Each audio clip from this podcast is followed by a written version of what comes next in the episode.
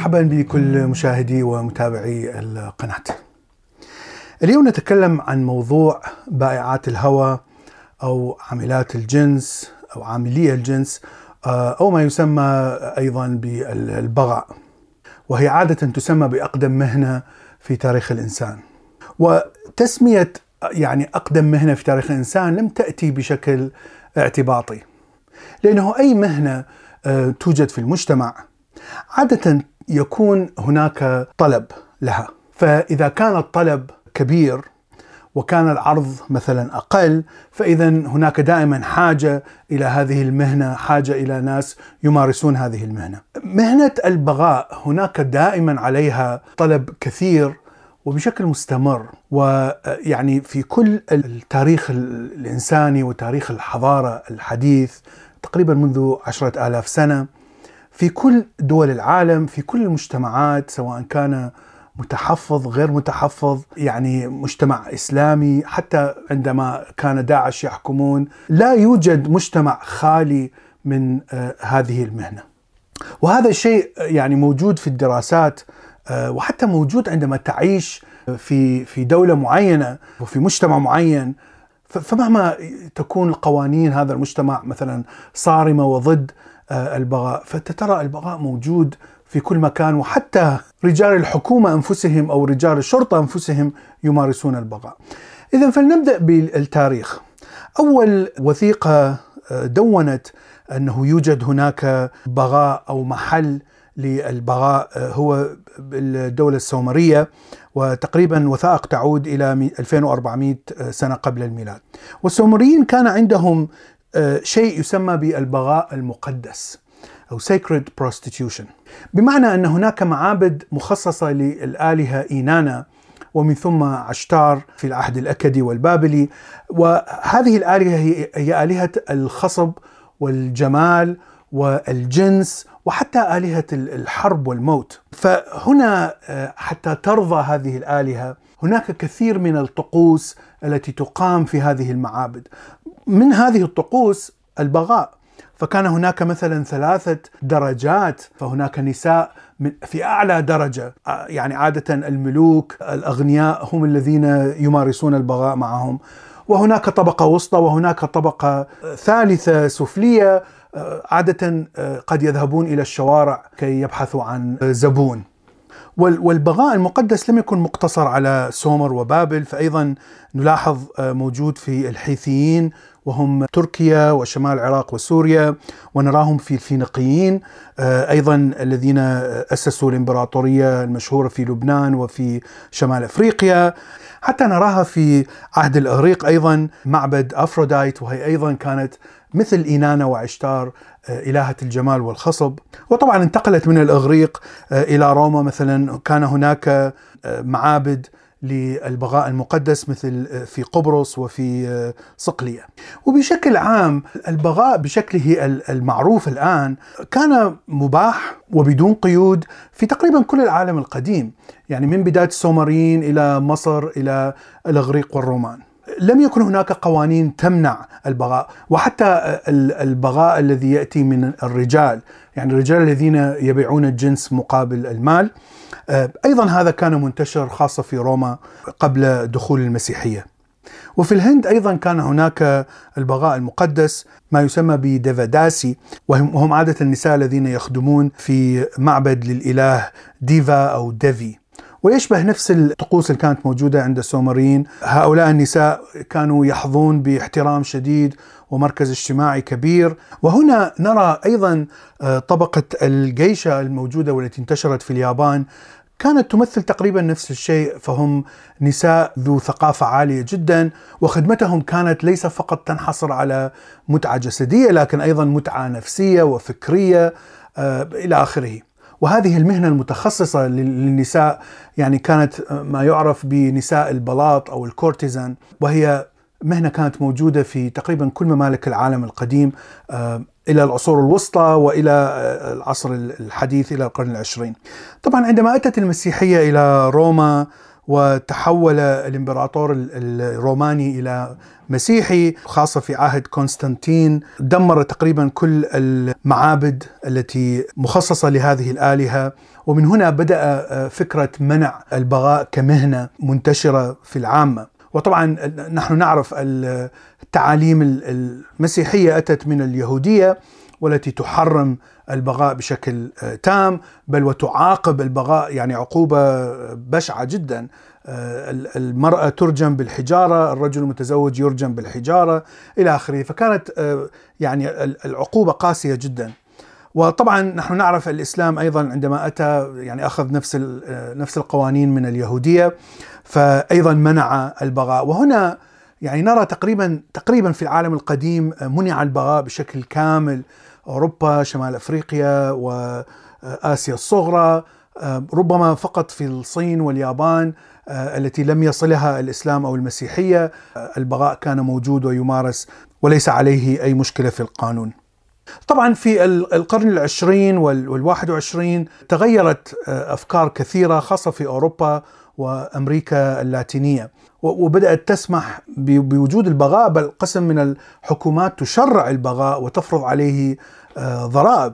آه، لأن فعليا البغاء يعني يجلب أموال طائلة تقريبا كل سنة آه، مهما كانت البلد فقيرة.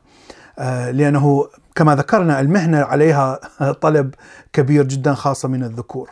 وهنا يجب أن نشرح هذه الفكرة لماذا لم تختفي هذه المهنة؟ مع وجود المنع والمنع القاسي من الأديان الإبراهيمية يعني طيلة فترة طويلة 1500 سنة. طبعا من المعروف أن الرجل أو الذكر يمتلك آه، غريزة جنسية قوية جدا أقوى بكثير من المرأة. وهي ليست فقط يعني غريزة لممارسة الجنس لكنها غريزة تدفع الرجل ليمارس الجنس مع أكبر عدد ممكن من النساء.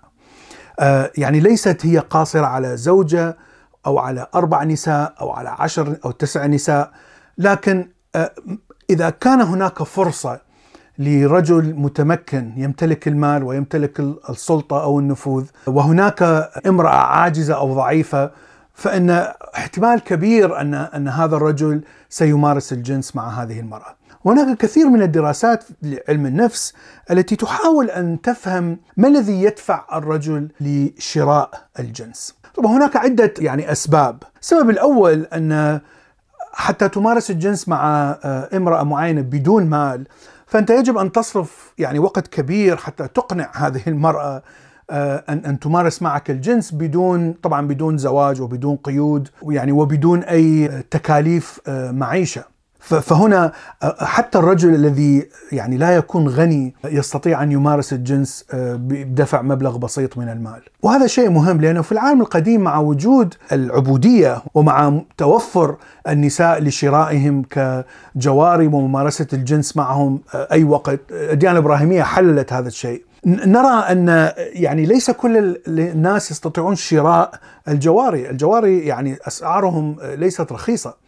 وعادة آه، المجتمعات في ذلك الوقت يعني تكون نسبة نسبة قليلة أغنياء والنسبة الكبيرة عادة تكون فقراء.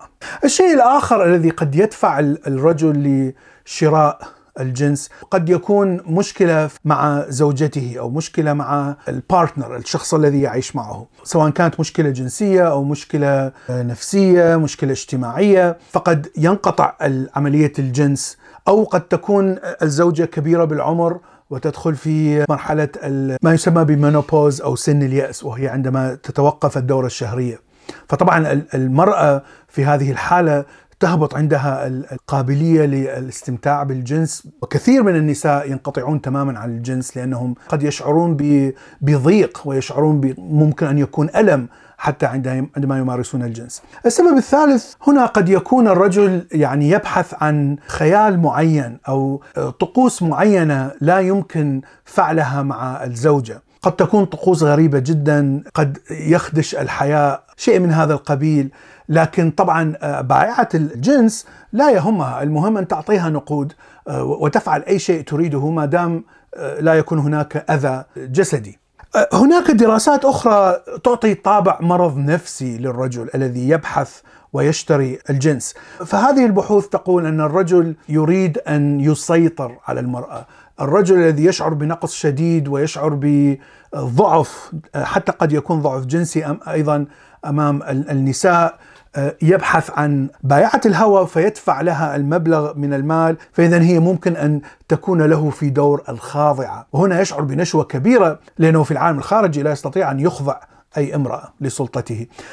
فهذا يعتبر مرض نفسي آه، أكثر مما هو يعني دافع طبيعي أو آه، نتيجة لوجود حالة اجتماعية تدفع الرجل لشراء الجنس طبعا آه، الدراسات التي حصلت في هذا المجال لم تجد شيء محدد أو صفة محددة للرجال الذين يشترون الجنس. يعني ليست هي طبقة معينة، ليست هي حالة اقتصادية، ليست هي حالة اجتماعية، فترى يعني من وظيفة رئيس ووزير إلى وظيفة العامل، هناك دائما رجال من كل تقريبا من كل شريحة من شرائح المجتمع تبحث عن آه، البغاء وتدفع المال للجنس. ونحن نرى هذا الشيء بشكل واضح من آه، تعداد الأفراد الذين يمارسون آه، مهنة الجنس. فمثلا في العالم كله هناك تقريبا 40 إلى 42 مليون شخص يمارس الجنس. 80% منهم هم نساء و20% تقريبا هم من الرجال. ونسبة الرجال الذين يمارسون أو يبحثون عن الجنس أو يشترون الجنس يعني متذبذبة. هناك 50 هناك دراسات تقول 50% هناك دراسات تقول أكثر هناك دراسات تقول أقل. لكن نحن نعرف أن نسبة الرجال الذين يدفعون المال للجنس عادة تكون نسبة كبيرة أعتقد 50% يعني ليست نسبة غريبة. الآن لنتكلم عن البغاء كمهنة. ما هي المضرات بوجود البغاء؟ وما هي الفوائد من تشريع البغاء؟ فالشيء الأول يعني الواضح أن البغاء سيبقى والطلب عليه سيبقى بشكل كبير آه، سواء كان محرم في الدين أو في القانون أو مشرع. اذا إذا كان البغاء غير مشرع فتنتقل العملية الجنسية البيع والشراء تكون عادة بعيد عن أعين القانون، بمعنى أن عاملة آه، البغاء آه، القانون لا يحميها.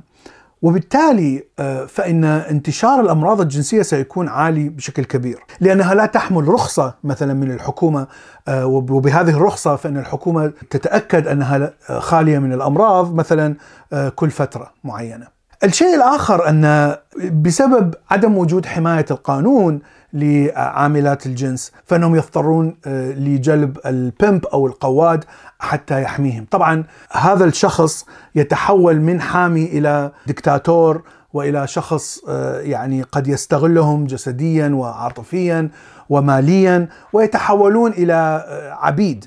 وهذا شيء واضح في كثير من المجتمعات أيضا التي تحرم البغاء. من جهة أخرى طبعا ذكرنا أن إذا كانت الحكومة تشرع البغاء فإذا هناك رخصة وهناك مراقبة على العاملات الجنس حتى يكونوا مثلا بصحة. هناك أيضا ضرائب والدخل من الضرائب يكون دخل عالي جدا آه، لأن كما ذكرنا البغاء مهنة لديها طلب عالي جدا. إذا ما هي المضرة من وجود البغاء؟ يعني نحن نعرف أن الأديان الإبراهيمية حرمتها.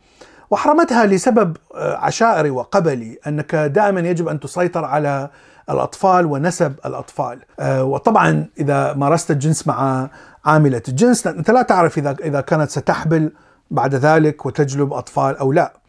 آه، فاذا هذه المشكلة الرئيسية. المشكلة الأخرى أن طبعا السيطرة على المرأة واستعباد المرأة. يعني هذا كان شيء مهم جدا في الأديان الإبراهيمية. أن الرجل يسيطر تماما على المرأة. عادة إذا, إذا تركت عاملات الجنس آه، بشكل حر فسوف يكون لهم عادة حرية اقتصادية فسيكون منفصلين تماما عن الرجل.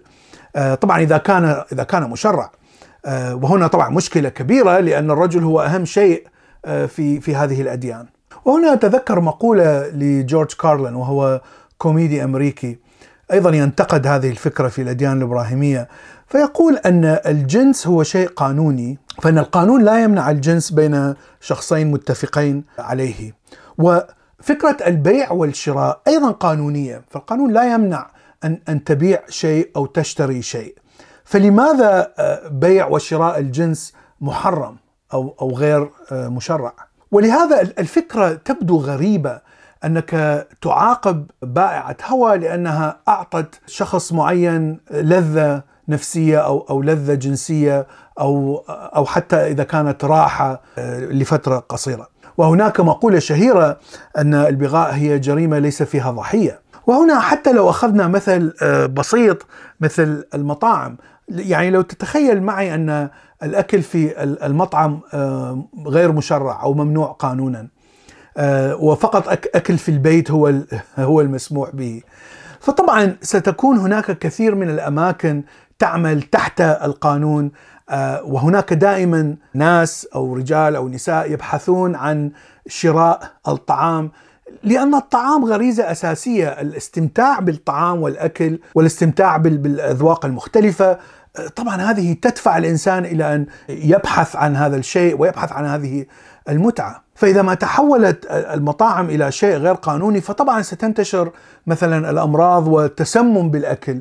لا يوجد رخصة فالحكومة يعني لا تفرض على المطعم بأن يكون في مستوى معين من النظافة.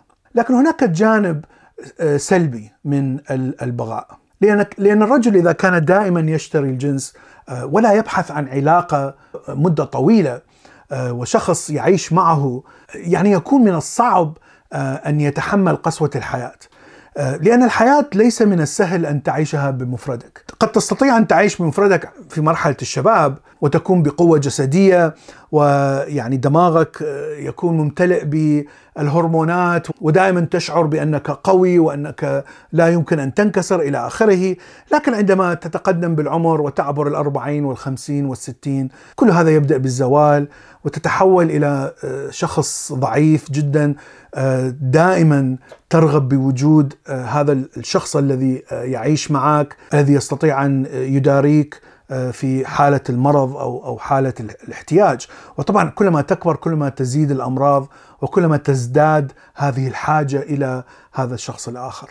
فأعتقد أن هذا يعني يعني هذا شيء سيء في البغاء لأن الرجل يكتفي فقط بهذه العملية الجنس القصيرة ولا يبحث عن العلاقة الطويلة التي تكون أفضل بكثير على المدى البعيد.